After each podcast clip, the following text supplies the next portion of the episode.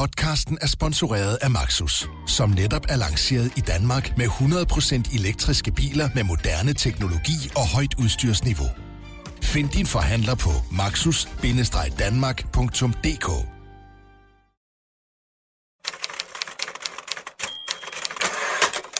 I løbet af lørdag den 10. marts 2018 indfinder en række unge sig i en lejlighed på Østerbro. Vejret er kedeligt, det er gråt, og om aftenen begynder det at regne en lille smule, og temperaturen er lige omkring frysepunktet. Men de unge skal feste, og de ved, at netop i denne lejlighed, så er der ikke nogen, der sætter grænser for dem. Her kan man drikke så meget man vil, man kan ryge hash og tage stoffer, uden nogen griber ind.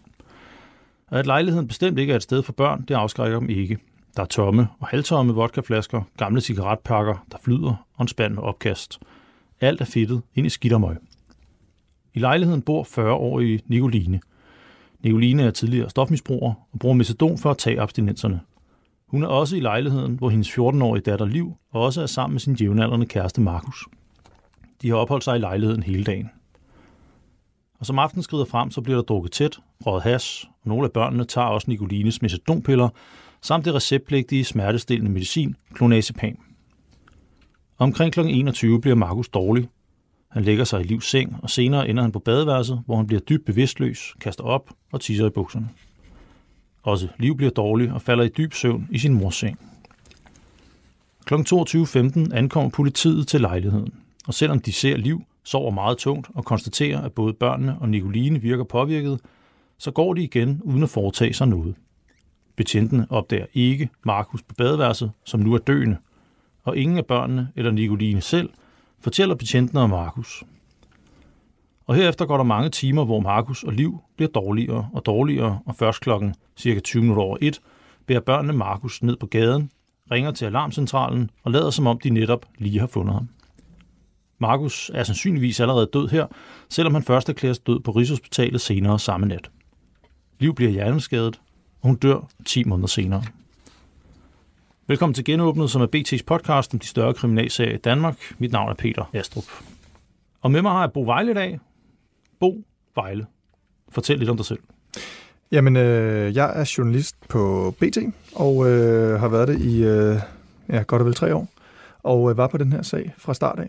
Den aften, den, øh, det skete jo en, øh, en, en lørdag, og øh, jeg kan huske, at jeg havde weekendvagt den søndag morgen, den efterfølgende søndag, og kommer ind og kan huske, at øh, det er vores redaktør, der ligesom siger, der er den her sag ude for Østerbro, det er meget tragisk, der er en 14-årig øh, dreng, der er afgået ved døden, og øh, der er vist en anden 14-årig, der, øh, ja, der er i livsfare og så videre. Det var, sådan lidt, det var meget uklart til at starte med, hvad, hvad det var. Men øh, jeg, jeg røg ligesom på sagen og har fulgt den øh, meget indgående siden. Hvor lang tid var det, du sad med den sådan cirka? Jamen, jeg sad med den frem til, til retssagen, så det var jo øh, altså et år. Øhm, du lavede også andre ting indimellem, ja, ja. der var pauser i det og sådan noget, men, men et år. Ja, ja. Lige, altså der, det er jo sådan noget on and off, ikke? men altså så, så søger man jo nogle agtindsigter, man øh, søger nogle dokumenter, og så, og så venter man jo nogle gange på, at sådan noget kommer tilbage, og så... Det er simpelthen din sag, for at sige som det er herinde på BT, ikke? Jeg sad i hvert fald meget med den her ja. sag. Det vi vil her i første afsnit af vores podcast nu, det er, at vi gerne fortælle om præcis hele den her aften, hvad var det, der skete natten til den 11. marts 2018. Øh, for det er simpelthen meget, meget svært at forestille sig, når man bare øh, sidder og tænker over det derude. Øh, hvordan har du egentlig haft det med det, Bo? Du har siddet med det i enormt lang tid. Hvordan har du oplevet det, der skete i den lejlighed? Jamen, jeg tror, ligesom med, med alle mulige andre sager, så er det jo, øh, det er jo, det er jo både vildt ubehageligt og, og sådan gruopvækkende at skulle koncentrere sig om, om noget, der er så uhyggeligt som det her, fordi det, det er to unge mennesker, altså to børn, praktisk talt, der, der dør på grund af nogle virkelig, virkelig øhm, ja, ærgerlige forhold. Ikke? Altså, det er jo et, det er jo et øh, ret råt miljø. Det er, et, øh, det er sådan et stofmisbrugsmiljø, som, øh, hvor der helt sikkert øh, sker nogle svigt øh, på alle sider, øh, både inden for de fire vægge, men også uden for de fire vægge måske. Og, øh, og det er jo ligesom et indblik, man får i det der, når man kommer fra, fra en anden social klasse selv, øh, som, som, som, som man jo gør, øh, så får man lige pludselig lov til at stikke hovedet indenfor i sådan noget her. Og det kan jo være, det, det er jo, ja, det kan være... Det er en historie om, en, det er en historie om en katastrofe i et virkelig hårdt belastet socialt miljø i Danmark, ikke? som jeg tror, de færreste øh, danskere kender. Det var i hvert fald mit indtryk, da jeg mm. begyndte at beskæftige mig med sagen for at lave vores, øh, vores tv-program, som man jo også kan se på BTDK. Øh, og vi begynder her med, hvor dagen startede i virkeligheden. Jeg skal lige understrege, mange af de her detaljer, som vi kommer med nu, dem har vi for en rigtig mange forskellige kilder. Vi har skrevet artikler om dem, vi har læst en masse afhøringsrapporter, vi har læst noget fra ambulancevæsenet, øh, redningstjenesten, der havde det, vi har retsmedicinske rapporter, og vi har selvfølgelig talt med rigtig mange kilder, også selv. Og så har vi strikket aftenen sammen øh, bedst muligt, som vi nu kunne. Det er klart, der er altid en lille smule modstridende oplysninger, når kilder fortæller lidt forskellige ting. Øh, men det er et billede her, som vi præsenterer, som, som er vores øh, måde at gøre det tættest øh, på, som vi overhovedet kan.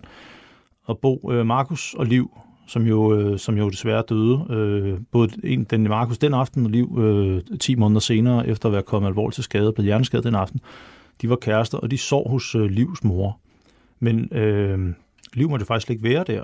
Nej, undskyld, altså Markus havde faktisk fået forbud mod at være der af sin mor, og Liv øh, ja. var, var anbragt et helt andet sted. Ja, Liv havde, måtte heller ikke være der. Nej. Altså Liv, øh, jeg tror, før der kom vi til at sige, at det, det var et meget hårdt miljø, og det var det også. Men, men hvis man kigger på den, sådan, den øh, sådan rollebesætning den aften af unge mennesker, der var forbi lejligheden, så er der jo mange, som du slet ikke vil pege på, komme fra misbrugsmiljøer. Ja, altså Markus ligner jo en øh, helt almindelig dreng, øh, og øh, på gaden vil Liv jo også ligne en helt almindelig pige. Så, så, så jeg tror også, at, at Livs mor havde helt sikkert nogle problemer, og havde helt sikkert haft en masse problemer tidligere, og var nu øh, ja, øh, tidligere stofmisbrugere på metadon osv. Så, videre. så ja, der har været en masse problemer omkring det der, men mange af de børn, der var der, kom faktisk også fra, fra relativt velfungerende hjem. Øhm, ja, det er jo også tit med teenager. Altså, man ender hjemme hos hinanden og tænker måske ikke over på, øh, hvilket liv de andre har. Nej, og så, som du også startede med at sige indledningsvis, så er det her bare en, det var et sted, det var en lejlighed, hvor rammerne var lidt friere. Og hvilken teenager vil sige, altså sige nej til det? Altså, hjemme må du ikke øh, gøre noget, du må ikke øh, ja, hverken ryge eller drikke eller noget som helst, men lige her, der lever du en, det er en rebelsk periode i dit liv, og hvis der lige pludselig er en lejlighed eller en mulighed for at, for at udskære, jamen så gør du det. Altså det, det, det tror jeg, der er mange teenager, der har gjort. Jeg tror også, der er mange, der vil gøre. Der er nogen, der ikke ville jo. Helt altså, sikkert. Det lignede noget, der var frygteligt derinde. Ikke? Det er Jamen, i hvert fald de kilder, vi men, men det er rigtig nok, der er, jo, der, er jo, der er jo helt sikkert nogen, som måske ikke... Øh, man lever bare på en anden måde, når man er teenager. Og man tænker ikke over de samme ting. Det var man jo kendt. Og det tror jeg også helt, som vi kommer ind på senere, jeg tror helt sikkert, at mange af de ting, der bliver gjort den aften, meget af det, som børnene gør og siger, eller måske vigtigt her, ikke gør, det bærer ret øh, tydeligt præg af, at de er teenager, synes jeg. Ja, ja helt afgjort. Liv og Markus, de er der helt fra morgenstunden af. De har overnattet i lejligheden, øh, hvor Nicoline også har overnattet. Og så begynder de andre, de andre unge øh, at dukke op løbende. Hvad er det så, der sker? Jamen, der er den her, altså, der er den her fest øh, i den her lejlighed. De, de er ligesom i den her lejlighed, og det er, sådan, det er sådan en dag, som er beskrevet ud fra, at øh, de var der en hel dag, og de, jeg tror, de røg nogle joints, og der blev drukket noget alkohol, og, øh, og så videre. Og, og løbende kommer der sådan flere til, og jeg tror, når de er på, når de er på, øh, når de er flest, så tror jeg, der er omkring, udover Nicoline, er der måske øh, ja, mellem 7 og 10 unge mennesker. Og det er, sådan lidt, det er faktisk lidt svært at for, Jeg tror faktisk, det er sådan, det er ikke 100% defineret, fordi der er nogle af de her historier, som kommer frem efterfølgende. Hvornår var vedkommende der, hvornår var han der ikke, og der er sådan lidt usammenhængende forklaringer i forhold til, hvem der var der, hvem der ikke var der. Okay, Men omkring der er nogen, der kommer og går og sådan noget. Der er nogen, der kommer og går. Det er lidt til at frafest for nogen også. Ja, det er det. Der er nogen, der kommer og går. Men altså Markus og Liv, øh, de er der igennem hele dagen. Okay. Øhm, de ryger nogle joints, siger du, og de drikker noget alkohol. Og så på et tidspunkt, så øh, der er også nogen, der tager noget ecstasy, ved jeg. Ja. Øh, der er i hvert fald nogen, der har taget ecstasy. Lige hvor de gør det, det, det ved jeg ikke. Jeg tror i hvert fald, Liv blev konstateret positiv for noget ecstasy efter. Ja, altså det er jo ikke en obduktion, øh, man laver Liv, for på, på det tidspunkt er hun jo ikke død. Men, men man, tog en blodprøve eller en muskelvæv man, man, Ja, man tager en prøve, som viser, at hun, øh, jeg tror, der er fire stoffer i hende. Der er øh, noget, altså MDMA, hmm. som jo er altså aktivstoffet i ecstasy. Så er der noget, så er der hash, øh, cannabis, så er der metadon, øhm, og så er der det der clonazepam, øh, eller også er det rivotril. Jeg kan, ikke helt, jeg kan faktisk ikke helt huske det, der, om det er begge to, eller om det kun er den ene. Det er i hvert fald clonazepam, tror jeg. Okay. Øh, nå, på et tidspunkt, så går de i medicinskabet. Nicoline har jo, øh, man kan kalde det narkotika, men hun har mest metadon derude, som er et opioid. Ja. Altså noget, man bliver høj af at tage. Simpelthen. Altså, hvis du, hvis du er tidligere heroinmisbruger, ja. som jo også er et opioid, ja. så øh, hvis du ligesom skal trappe ud af din metadon, eller din øh, heroin, så får du typisk metadon for det. Godt. Og det er det, hun har. Det er det, hun har. Og de unge tager en beslutning om at begynde at tage det. Øhm, ja, og jeg ved ikke, om det er noget, de har gjort før. Det, det melder sagen ikke om. Men altså det, der er med det, det er, at... Øhm, og det er ikke, fordi de går i medicinskabet. Det her metadon ligger frit fremme. Det er okay. der flere af vidnerne, der har fortalt, at øh, det var i sådan nogle pilleform. Og jeg tror, at hvis du er tidligere stofmisbruger og har taget mange stoffer, så skal du have en relativt høj dosis, fordi du har opbygget en ret høj tolerans. Og de her piller, som Nicoline fik, det var, øh, jeg tror, det var 20 grams, øh, eller 20 milligrams øh, metadon. Og 20 milligram for en, der ikke har taget metadon før, er ekstremt meget. Det er ekstremt højt. Okay, hvad vil der ske med mig, hvis jeg spiser sådan en? Så vil du... helt øh, koma? Ja, altså, jeg, jeg kan huske, jeg har tidligere snakket med stof, øh, mis, altså misbrugsekspert Henrik Rindom, som sagde, at øh, altså, hvis du er et barn, og du ikke har taget det før, så, øh, så er vi allerede op i en dødelig dosis i forhold til, hvis du, øh, hvis du tager... Øh, og jeg kan ikke huske, om det var 20 mg, eller hvis du tager to piller osv., men allerede ret tidligt er du ret hurtigt over den der, hvad du kan tåle. Okay, og man kan godt sidde og være... Ti- altså, jeg har selv været teenager engang, jeg har jo ikke taget stoffer og sådan noget, men, øh, men, øh, men jeg kan da godt forestille mig, at man tager en og to, og man er sådan lidt liberal med den slags ting. Jo, men det er også, typisk er det også sådan, du tager en pille, og hvis du, altså, så bliver du utålmodig, hvis den ikke virker inden for en, en halv time, kan det være, at du tænker, jeg skal tage en mere, eller, altså, det kan også være, at der er nogen, der siger, vi tager to, eller tre, eller det ved vi ikke. Nej. Det kan vi kun gisne om, men, men i hvert fald så er det sådan så, at altså, jo mere tolerans du har, jo mere skal du selvfølgelig bruge. Mm. Og hvis du ingen tolerans har, jamen, jo, jo mindre skal der til, for at det går galt. Markus bliver i hvert fald dårlig, og Liv bliver rigtig dårlig. Det er Markus, der bliver dårlig øh, først, i hvert fald. Omkring kl. 21. Hvordan er det, han reagerer? Jamen, han starter med at, øh, han starter med at blive rigtig træt øhm, og, og lægger sig ind i livsværelse. Det er sådan en treværelses lejlighed på Østerbro, hvor der er øh, to soveværelser, øh, hvor moren bor i det ene, og Liv bor i det andet. Og så er der en stor stue, øhm, og så er der et køkken og et badeværelse. Og øh, Markus han begynder at blive træt og ja, svimmel, tror jeg, og lægger sig ind i det her og falder i en relativt øh, ret dyb søvn. Fordi der er, flere, der er flere, der forklarer, at de indenfor prøver at vække ham, men det kan de simpelthen ikke. Og der er også en, en anden øh, dreng øh, til stede i lejligheden, som faktisk øh, slår og sparker ham, ligesom for at få noget øh, få liv i ham. Men altså, han ligger i så dyb en søvn allerede der, så, så, øh, ja, så han er ukontaktbar faktisk. Ja, altså, det er jo, altså, de er jo ret voldsomme ved ham faktisk. Han falder jo i dyb søvn. De kan ikke vække ham. De er inde og prøve, og de rusker i ham. Han falder på gulvet. Ja. Øh, har jeg læst mig frem til i, i nogle af de akter, vi har fået. Der er også en, der sparker hårdt til ham angiveligt. Ja. Øhm, vi ved, at der er en, der er blevet dømt for noget simpel vold mod ham. Jeg ved ikke, om det er ham, der sparker til ham her. Det er det muligvis, jo, det er det. men det er det. Okay. Øh, men Markus vågner simpelthen ikke. Nej, og så er, der, så er der faktisk lidt noget, så er der faktisk en uklarhed omkring, hvad der så sker efterfølgende, fordi der er nogen, der forklarer, at Markus selv vågner op på det tidspunkt og går ud på badeværelset. Der er nogle andre, der forklarer, at han bliver båret ud på badeværelset. Men han ender i hvert fald op ude på badeværelset, hvor de lægger ham op af toilettet. Øhm, måske fordi, at han øh, siger, at han har det dårligt, eller de mener, at han måske skal være tæt på toilettet, hvis han skal kaste op eller noget. Men han er i hvert fald ved bevidsthed her. Og han så går selv så er der en eller anden form for reaktion fra ham. Han ja. er vågnet igen. Han vågner op, ja. Og har det rigtig, rigtig skidt. Mm. Øh, og det er også derfor, han går ud på badeværelset, hvor han kaster op og bliver bevidstløs igen i virkeligheden. Og der er det også her, at Liv begynder at blive dårlig, øh, så vidt jeg ved. Hvad, hvad er det, der sker med hende? Jamen altså, Liv har jo også, altså Liv har jo den her cocktail af de her forskellige stoffer, som vi, som vi snakkede om før. Og øh, på et tidspunkt, der bliver hun også træt, øh, eller dårlig, og lægger sig ind på sit, øh, sit værelse, lægger sig i sin seng, og øh, falder også i søvn. Og hun øh, falder i den samme sådan meget dybe søvn, som Markus gjorde, men får faktisk lov til at sove. Og det er så det, der, ja, det, er så det, der bliver sådan ret fatalt afgørende for hende øh, senere hen. Okay. Øhm, hun snorker også. Ja. Og, og man tænker, okay, hvorfor er det så mærkeligt? Men det har jo faktisk en vis betydning. Hun snorker højlydt, og ikke bare sådan et nærmest søvnapnø-agtigt, hvor man sådan gisper efter vejret nærmest. Altså sådan, lyder som sådan en mærkelig, pludselig og meget højlydt snorken. Ja, det er sådan meget, det er sådan meget grøntende snorken. Altså nu, nu hørte jeg jo ikke af gode grunde livsnorke, Nej. men jeg har hørt andre, øh, der har i sådan et præstadie af en opioid overdosis.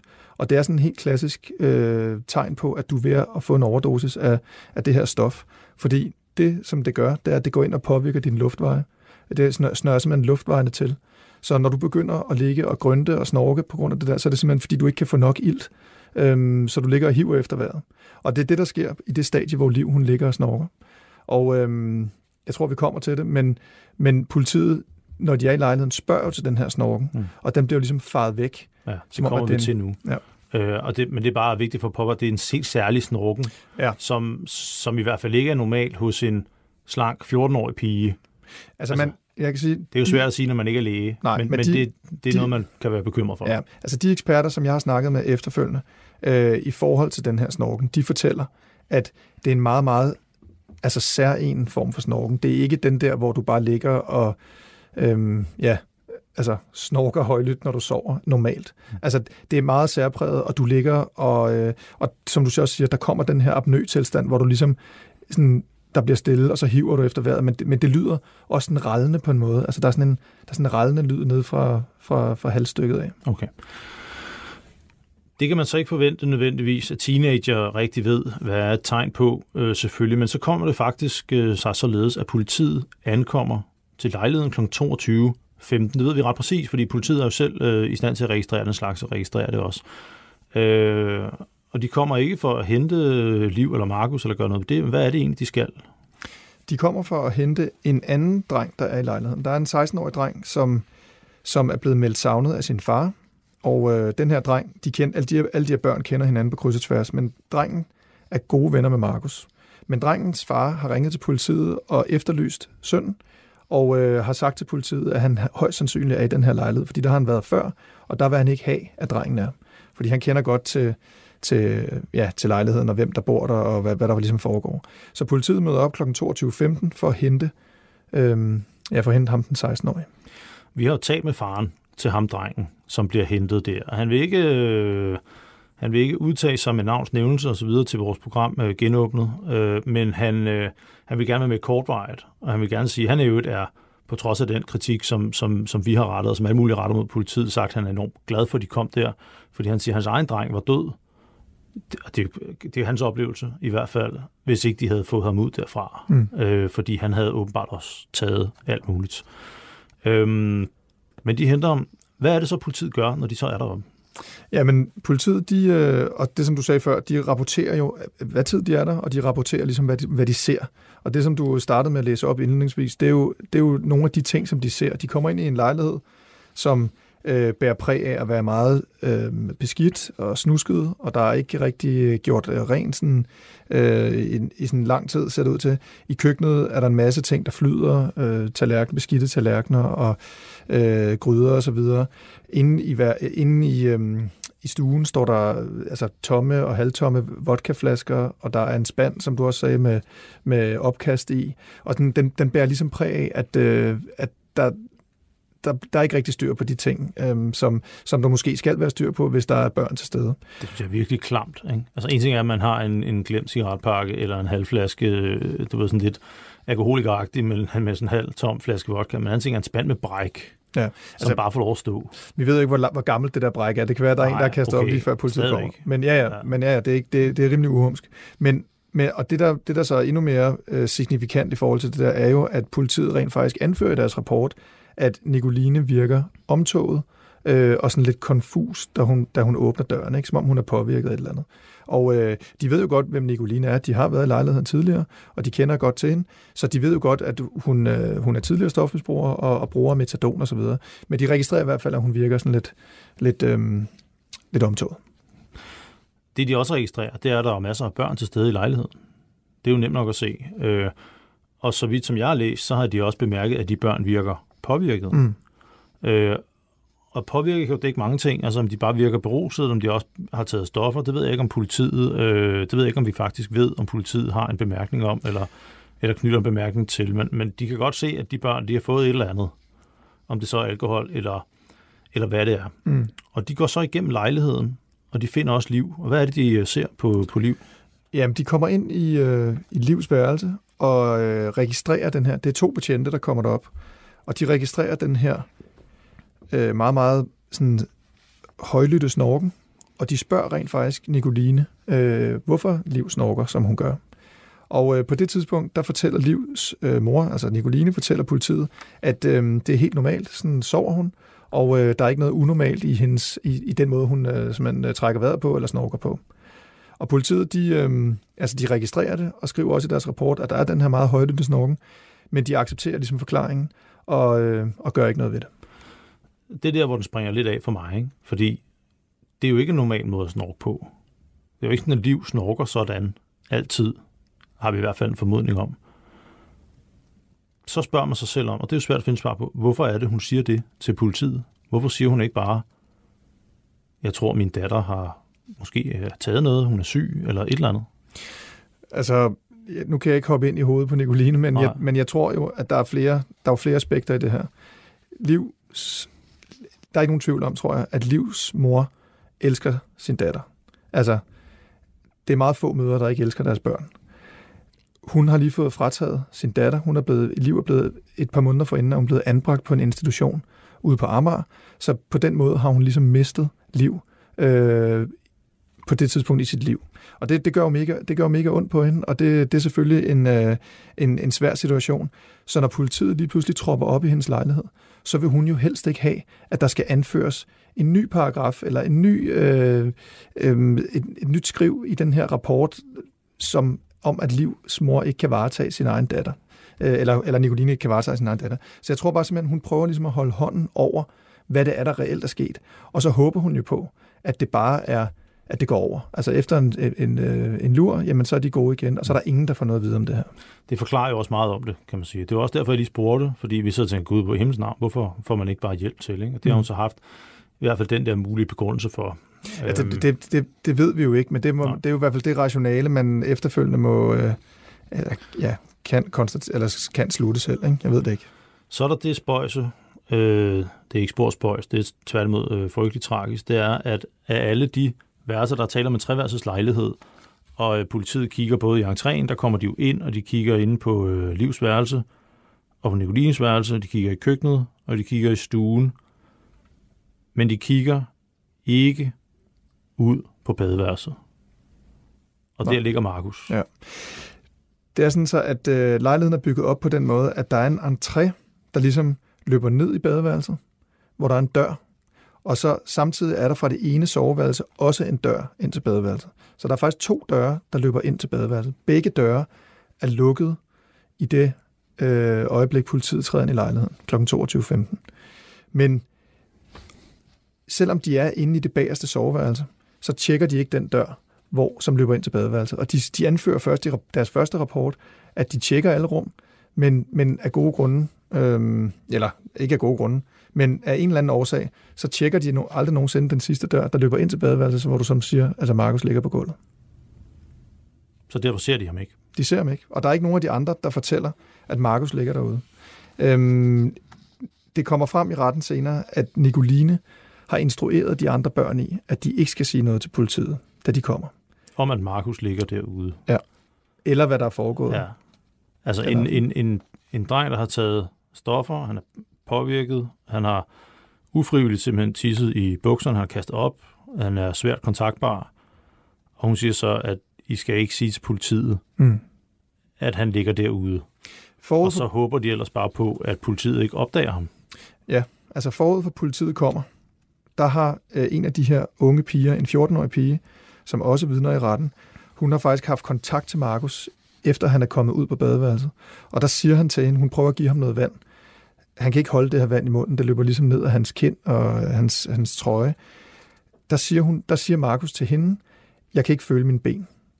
Så allerede der, der, der er ligesom nogle tegn på, at, og, og så derfra, der bliver han, som du siger, mere og mere ukontaktbar. Men selvom det her ligesom står klart for alle i lejligheden, så får de stadigvæk den der instruks om, at de ikke skal sige noget, hvis politiet kommer. Godt. Så politiet, de, øh, de går simpelthen igen. Altså, og børnene, de adlyder Nicoline på det område og siger ikke noget. Ja, der er ikke nogen, der siger noget. Og den her dreng, den 16-årige dreng, som politiet kommer for at hente, ham tager de med og kører højst sandsynligt direkte hjem til faren. Og den her dreng, han siger jo så heller ikke noget. Han ved jo også godt, hvad der foregår i den lejlighed, men siger heller ikke noget til... Jeg ved ikke, om han er i stand til det. Han, du har snakket med hans far, som siger, at han... Han var meget påvirket, påvirket siger ja. faren øh, til os. Om han var i stand til at, at fortælle om, hvad det var, der var sket, det ved jeg faktisk ikke. Øh, men, men han var meget påvirket øh, af, hvad der, hvad der foregik, og selvom man skulle have sagt noget, det er jo ikke sikkert, at man har, man har tillagt det, det vægt. Nej.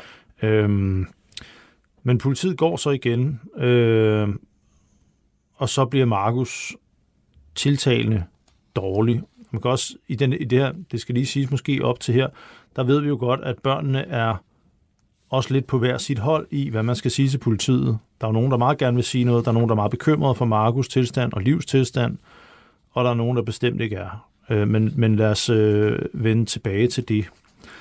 Øhm, politiet går igen. Jeg tror, de har været der, har de været der et kvarters tid, noget den retning. Ikke mm. specielt lang tid, og så går de, og Markus bliver helt bleg og har frodet munden, øh, hvis ikke han havde det i forvejen. Hvordan er det så, børnene reagerer, da politiet så går?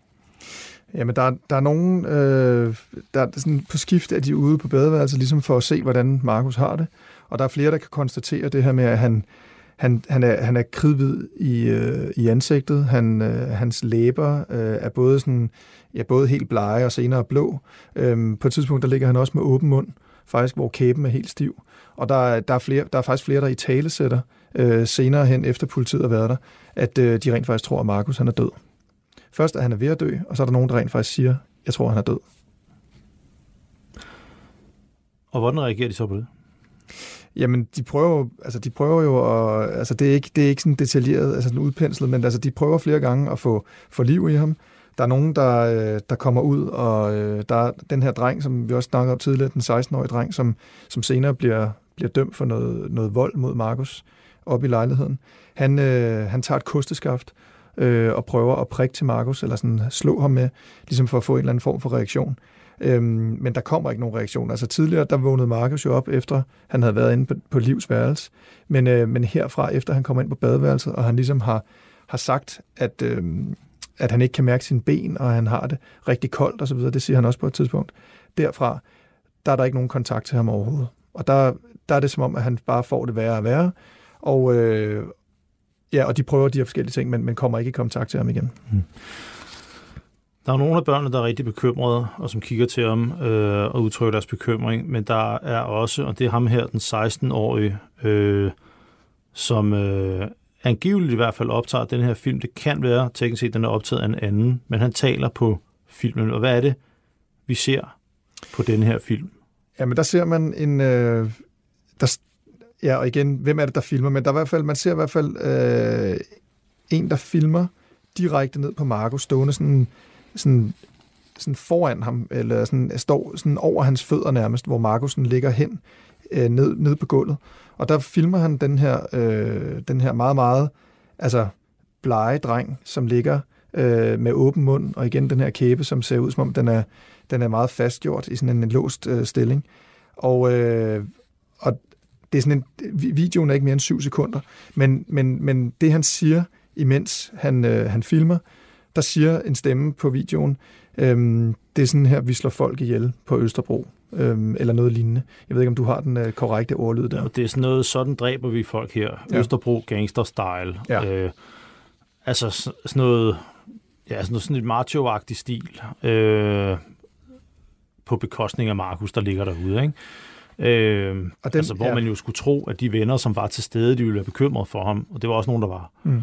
Øh, men altså, hvor man, man, man altid tænker, måske også lidt som forældre, hvis man har en teenager, som kommer galt sted i byen, så er der altid nogle venner, der passer på en. Og i stedet for, at det sker, så optager man en video, man lægger på de sociale medier, på Snapchat, hvor man øh, altså spiller smart, for at sige det som det er, og så mm. siger, sådan dræber vi folk her, Østerbro, øh, gangsterstyle. Det kommer vi frem i, i retten, ikke? Jo. Og hvordan, øh, Markus, han ser jo skidt ud på den her film, faktisk øh, nærmest død ud, vil jeg sige. Altså, jeg, jeg har set videoen, og øh, ja, han, han ser rigtig skidt ud. Det gør han. Øhm, I løbet af aftenen, der ved vi jo også, at Nicoline øh, undersøger liv og finder sine metadonpiller på hende. Øhm, hvad er det, hun lægger mærke til der? Det ved jeg faktisk ikke. Der mangler nogen i hvert fald. Konstaterer hun, siger hun det? Eller? Ja, okay. det gør hun. Øhm, hun konstaterer, at, øh, at der mangler nogen. Øh, og så reagerer hun jo alligevel på den måde, hun også har reageret før, nemlig at hun, hun ikke gør noget, og det også sandsynligvis også fordi, som du siger, hun er bange for at miste liv, der var der var anbragt. Ikke? Mm. Men det er noget, hun, øh, fortæller, det er noget, hun fortæller i retten, eller? Ja, det er noget, hun har fortalt igennem de sagsakter, som, som okay. jeg sidder med. Hun forklarer den ja. ting øh, der. Der er også på et tidspunkt, så ved vi, at øh, der er en nabo, øh, der hører, at der bliver råbt, vågn op, din fucking junkie, vågn op inden for fra lejligheden. Det kan man simpelthen høre, ikke? Mm. Øhm, og så også det her med, at der bliver prikket til en kust, det har vi så også.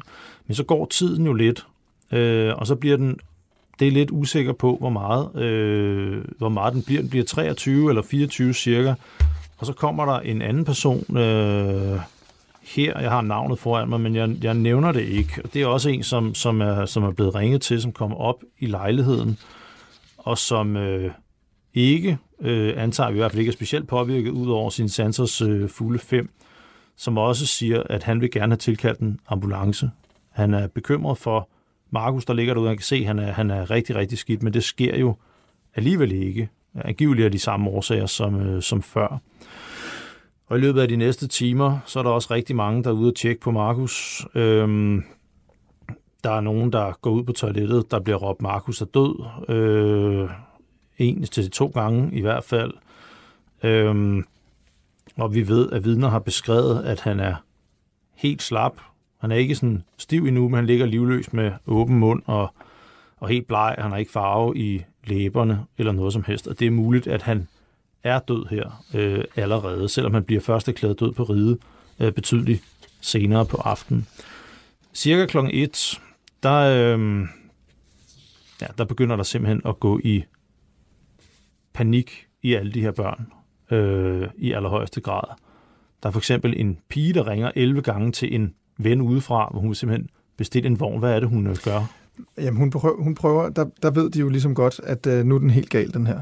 Og øh, de vil jo helst ikke kontakte myndighederne. Øhm, det har de jo ligesom haft muligheden for en gang, da politiet var der. Så for at holde myndighederne ude af det her, så prøver de at rekvirere en, øh, en, en bil selv. Altså de ringer til en, øh, en ven, som har en bil, en 18-årig, en 18-årig fyr, som ikke har noget med, med sagen at gøre, som ikke har noget med har ikke har været oppe i lejligheden tidligere. Men, øhm, men, men der er en, en af de her øh, piger, en 14-årig pige, som, som, øh, som ringer til den her dreng 11 gange inden for, for, for kort, kort tid. Og det er sådan, man kan se en del af korrespondancen, som også kom frem i retten det er tydelig desperation øh, i forhold til at få, få, få fat i et eller andet, så de kan få Markus væk. Øhm, hun skriver, tag den nu med store versaler. Øh, hun skriver... Ja, hun sender øh, en sms til ham simpelthen. Ja, altså ja. det er sådan, det er sådan en messenger-chat-besked. Ikke? Ja, okay. øh, han er helt stiv i kroppen. Han dør snart, skriver hun. Øh, og ham her, ham her drengen, som, som svarer tilbage, eller fyren, som svarer tilbage, altså, han, han ved jo ikke, hvad der foregår, men man kan godt fornemme, at han også godt kan se alvoren i det her. Og han er meget nervøs for både at blive involveret i det, men også, øhm, altså, hvorfor ringer jeg ikke til ambulancen? Hvorfor ringer jeg ikke til politiet? Øh, gør det her, det er det mest naturlige at gøre. Og, øh, og det kan de ikke, skriver de bare. Det kan de ikke. Og, øhm, og det ender faktisk med, at øh, han siger, at, øh, at han vil køre mod lejligheden øh, tror jeg, eller der går noget tid, eller et eller andet. Jeg kan ikke helt præcis huske, hvad det er, det slutter med. Altså, det går faktisk, øh, det er ikke fordi, der går så meget tid. Der sker rigtig mange ting i, i den her reaktion i løbet af et kvarters tid, og cirka klokken 20 minutter over et, så er det så, at de tænker, vi må gøre noget, og de bærer Markus ned på vejen, øh, ned på den gade på Østerbro, hvor lejligheden ligger simpelthen. Ja, det er rigtigt. Det er mellem klokken øh, altså 1.01 og 1.11, at hun ringer til, til drengen, og det er faktisk 14 ja, gange. Rigtigt, ja. Ja, det, er sådan, det var sådan, det var.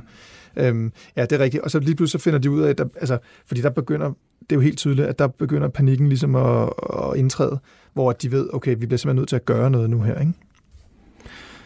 Og det gør de så også. Og det, de har aftalt i virkeligheden, hvad, hvad er så det?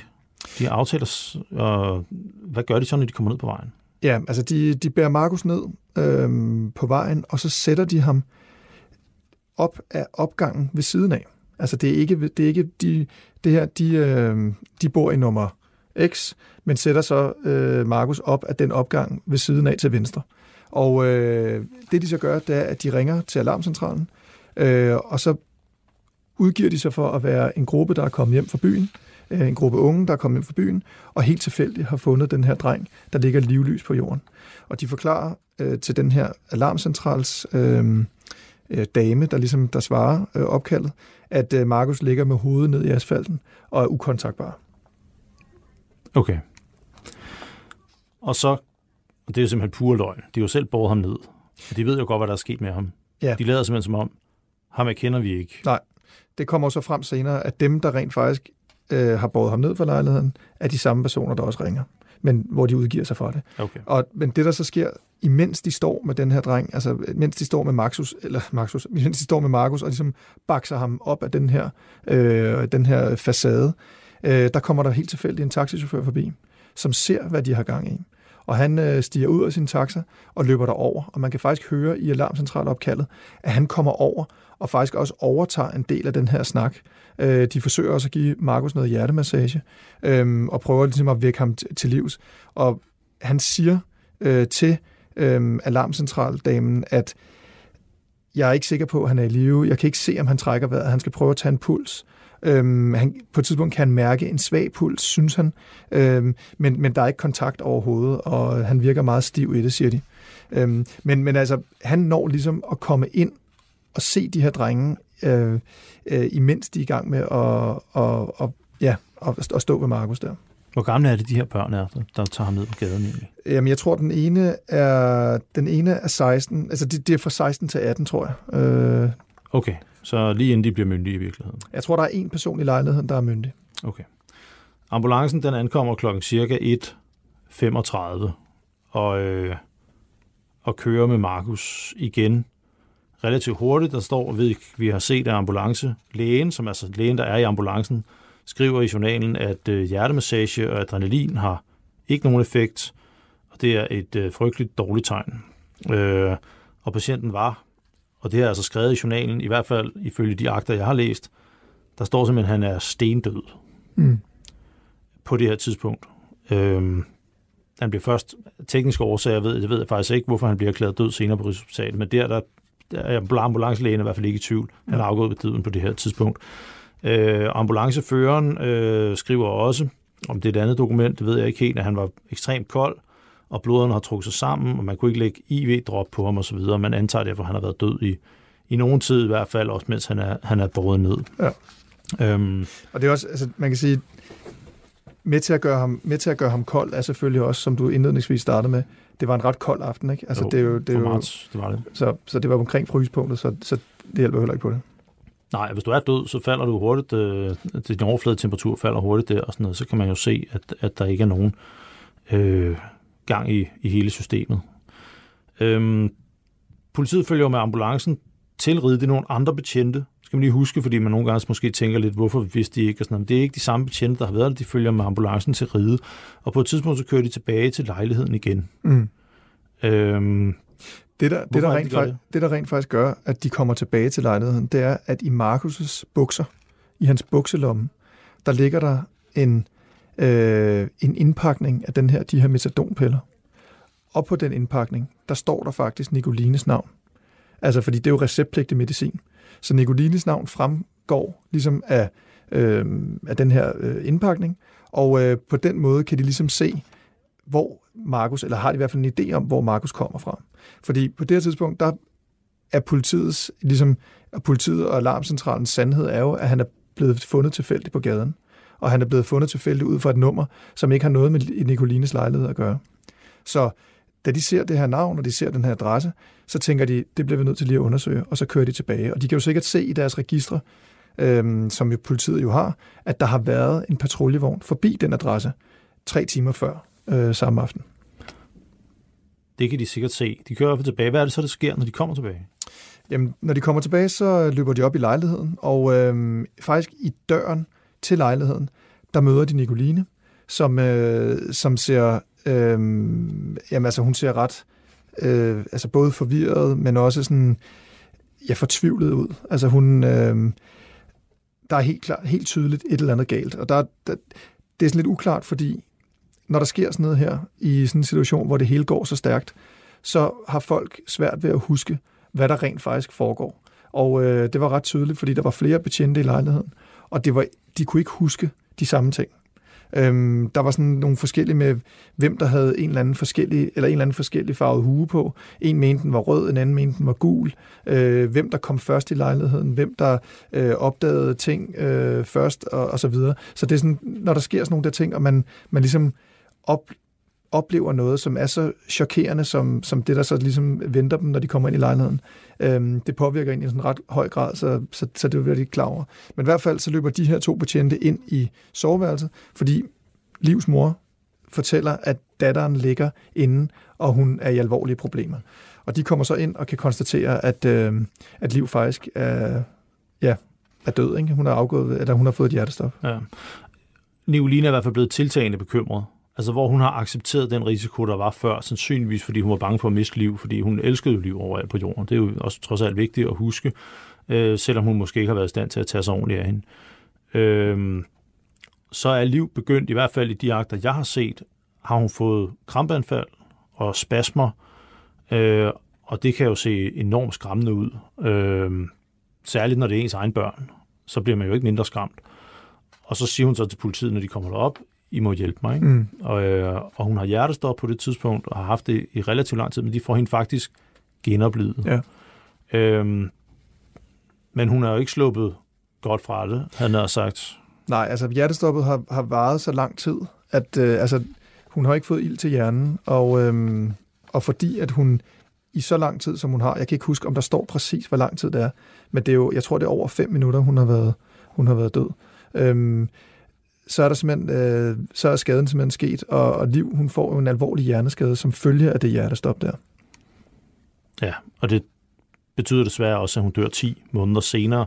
Ikke af den skade, men fordi hun skulle have noget medicin, så vidt jeg kunne forstå, som hun simpelthen ikke, altså kroppen kunne ikke rigtig håndtere den medicin, den afviste den på ja, en eller anden måde. Ja, kroppen frastød, frastød ja. den, der, den der form for medicin, hun skulle have, og så... Så hun var egentlig på genoptræning og så videre, så gik det så galt af, af andre ja, årsager. Hun bliver, hun bliver indlagt først på, øh, på Rigshospitalet Traumacenter, og øh, bliver sidenhen overflyttet til, øh, til Hvidovre, hvor, at, hvor hun kommer i, øh, altså hvor hun ligger i koma i lang tid.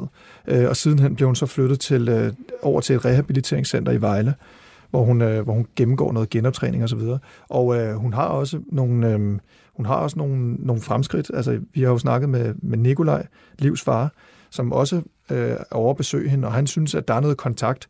Altså, slet ikke kontakt, som der var kontakt før. Altså, hun, hun, hun er øh, ja, altså svært til hjerneskade, ikke? men kan sige nogle lyde og øh, kan registrere, at der er folk, hun kan, kan genkende osv. Ikke? Øhm, men altså en alvorlig hjerneskade, som følger det hjertestop. Vi har fået nogle billeder af Nikolaj, vi kan ikke vise dem i podcasten, men altså der kan man jo se, det er ikke videoer, men billeder, men på dem kan man godt se, at Liv på det genoptræningscenter kigger på Nikolaj og mm. kontakt til ham, da han sidder ved siden af hende osv. Og, og som du siger, det er jo også, altså, det er også en hjerneskadets kontakt, ikke? så hun har meget ja, øh, forvredende ansigtsudtryk mm. og, og, og en helt anden kontakt, men hun er klar over, at han er der i ja. en eller anden form. Det kan man godt se. Ja. Markus øh, har det, der hedder 0,34 mg metadon i muskelvævet. Det konstaterer man inde på ride i forbindelse med, med øh, den obduktion, den undersøgelse, man, man gennemfører, da han er kommet ind. Og ifølge den underskrivende læge, som er derinde, så er det altså en meget alvorlig forgiftning. Og man, bliver også, øh, man tager også et såkaldt kaliumtal på Markus, der siger 20,6, og det er sådan lidt svært at sige, hvad, hvad betyder det? Øh, men det siger lægerne noget om, at når man har så højt et kaliumtal, så har man altså været død i nogen tid, inden man er kommet ind der. Og jeg ringede faktisk øh, til øh, en læge og spurgte, fordi jeg ikke vidste, hvad det kaliumtal betyder. Men kalium er et stof, man har inde i sine celler øh, primært. Og udenfor, der har man, uden for cellerne, der er en masse natrium. Og der er sådan nogle særlige ionpumper og systemer, der sørger for at opretholde balancen i de her stoffer, som, øh, som findes, som, som opretholder balancen i cellerne, som er helt nødvendigt for, at man kan overleve. Men når så man holder op med at trække vejret, når man ikke længere får ild til kroppen, så holder det system op med at fungere og siver kalium ud af cellerne, både i, så vidt jeg forstod, det er ikke læge, men så vidt øh, jeg forstod det så ud gennem både blodet og musklerne og alle mulige andre steder. Og øh, normaltallet er 4, så 20,6 lyder højt. Det er jo mm. svært at sige, når man ikke selv er læge. Øh, men det er i hvert fald en klar indikation på, at han har været død i lang tid. Og man kan sige præcis, hvordan det er. Det afhænger også lidt af, hvor kold han er. Han var både et varmt sted først, og så var han et koldt sted bagefter. Men det er altså øh, et meget alvorligt tal. Ja. Liv selv havde 0,14 mg metadon i muskelvævet, øh, da man testede hende, da hun var på hospital. Hun har også taget ecstasy og øh, røget has, og det forstærker så vidt jeg forstår, øh, nogle gange i hvert fald, øh, Ja, altså, man kan forstærke effekten af metadon. Ja, man siger, man siger som sådan en tommelfingerregel, øh, altså det gør misbrugseksperter, øh, eller ja, rusmiddeleksperter er nok øh, snarere, de siger, at øh, når du laver, når du blander stoffer, hvad enten det er opioider, eller om det er, ja, hvad der ellers er, kokain og så videre, men så bliver 2 plus 2 5.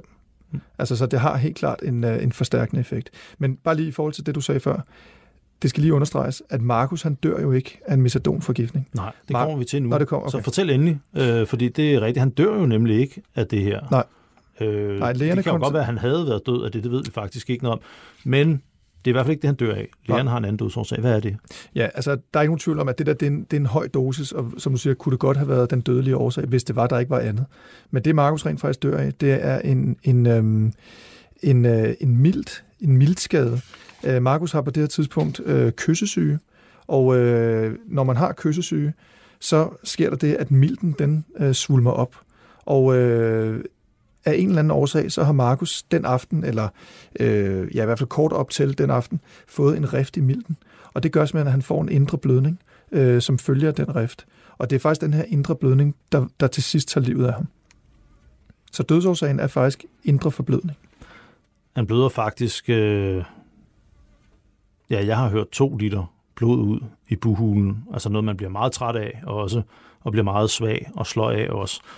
Og det, som, øh, som så også er særligt, det er, at, at han har kyssesyge, og milten er meget porøs. Øh, men det er jo ikke bare, at den går fuldstændig i stykker. Så derfor var der jo også ham, den 16-årige dreng, øh, kom jo også i politiets søgelys. Hvorfor var det, han gjorde det? Jamen, han, han øh, begår jo noget vold over, øh, altså mod Markus den aften. Han både slår og sparker ham, er der flere vidner, der siger, i, i det øjeblik, Markus ligger inde i sengen. Han, øh, han slår ham med det her kosteskaft, eller stikker ham med det her kosteskaft, øh, og sparker også til ham, tror jeg, i, i, øh, da Markus blev placeret på badeværelset. Øhm, og han er jo, det er også ham, der filmer, eller i hvert fald siger det her på den her film, som vi refererede øh, fra før. Så, øh, så han, bliver ligesom, han bliver sigtet efter den her, godt nok den milde voldsparagraf, jeg tror den hedder 244, øhm, og får så senere også en dom øh, i en anden retssag, ikke den retssag mod Nicoline, men, men senere hen. Og øhm, ja, øh, men, men altså, men anklagemyndigheden, Københavns politi, mener ikke, at man kan sige, at de ting, som den her dreng har påført, altså den vold, han har påført Markus, har ledt til, at Markus skulle have fået den her rift i milden. Det kan man i hvert fald ikke dokumentere. Nej, man kan ikke påvise det, og derfor har man, har man ikke sigtet ham. Men han kan også være faldet. ja, eller gået ind i et skarpt hjørne, eller. Ja. et eller andet. Ikke? Altså, der er mange forskellige ting, der ligesom kunne have gjort Mm. det her, så man, man, havde ikke, man havde ikke beviser for, øh, at det var hans vold, der ligesom var årsag til det her. Men Kunne han være blevet dømt for drab eller sådan noget, hvis Til at man starte nu med- vidste det? til altså, at starte med var han sigtet for uagtsom manddrab. Eller. Ja. død med vold, altså med, øh, øh, vold med død til følge. Okay. Og det frafalder man så på grund af manglende beviser. Ja, altså hvis anklagemyndigheden ikke føler, at der er tilstrækkelige beviser for øh, at kunne dømme nogen for noget, jamen så må man jo kigge på, hvad kan man så, øh, hvad er der så beviser for? Og her har man åbenbart øh, ja, vurderet, at der kun var beviser for, for den her simpel vold. Det har heller ikke været hans hensigt at slå ham ihjel, tror jeg måske også i hvert fald retssagen viste. Ja. Øh, altså, de har haft et eller andet horn i siden på hinanden, øh, måske ham mere end omvendt, øh, og så er det så gået så grueligt galt, som det er så gået her. Ja. Der var også, øh, vi har også et vidne, øh, i hvert fald ifølge advokatens øh, øh, oplysninger, der er der også kommet noget frem, at han, han muligvis også havde sparket ham om fredagen, altså dagen inden, øh, eller tidligere på dagen, Mm. øh, hvor han altså var vågen. Ikke? Ja. Øh, ja, det var ligesom det, der skete den aften, og det betød jo, at disse to mennesker her, de øh, mistede livet og ikke er, er her i dag. Det var også første afsnit af Genåbnet, øh, som altså denne gang handler om lejligheden ude på Østerbro, øh, og sagen kom lidt til at hedde dødslejligheden herinde i virkeligheden. Øh, for det var, jo- det var det, det var, kan man vel godt sige. I andet kapitel der, øh, af den her podcast, der ser vi på mange af de svigt, som Markus og Liv var udsat for i denne her sag. Der var både fra deres øh, venner, i virkeligheden også fra politiet og kommunen, og også fra den eneste voksne, som i virkeligheden var i lejligheden. Og det er jo ikke... Vi prøver i hvert fald at få en eller anden form for svar øh, på, hvordan alt det her det kunne øh, foregå. Jeg skal også lige sige, du kan også se Genåbnet, som er et øh, tv-program på BT.dk. Vi har lavet fire afsnit om den her sag, øh, og du kan se det gratis på BT.dk. Du kan også læse et meget, meget stort antal artikler, som øh, især Bo Vejle, og også nogle andre, har skrevet i forbindelse med stor bagkatalog af artikler, som vi har skrevet op til hele den her udsendelse, og også gennem hele sagens forløb. Jeg hedder Peter Astrup, jeg havde Bo Vejle med i studiet, og på genhør.